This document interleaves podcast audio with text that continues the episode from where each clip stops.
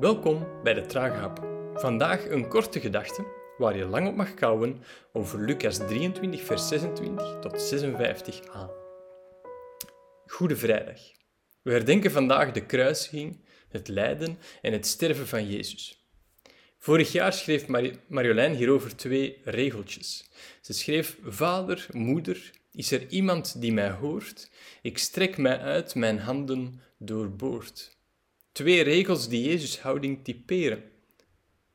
En een paar weken geleden haalde ik in een andere traaghap een stukje uit een liedje van Rickert Zuiderveld aan. Hij zingt: Waar links of rechts niet telt, maar waar de wind de molenweken aandrijft met genade.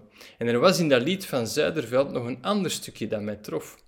Grote stille Hij, Hij die ons zoekt in onze achtertuinen, ons aangeharkte ik.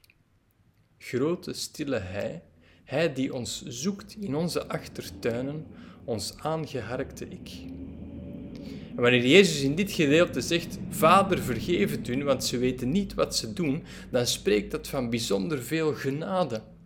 De molenweken aangedreven met genade, zoals Zuiderveld het zegt. Jezus vraagt dat degenen die hem kruisigen vergeving ontvangen. Hij strekt zich uit, zijn handen doorboord. Hij is de grote stille Hij op zoek naar de mens. Zo is God. Zo is Jezus. En zoals ik gisteren zei, is het onmogelijk om te bepalen hoe diep Jezus angst, pijn en gevoel van verlatenheid was. Is er iemand die mij hoort? Het staat vast dat het voor hem vreselijke uren zijn. Toch strekt hij zich tot in die laatste momenten uit, zijn handen doorboord.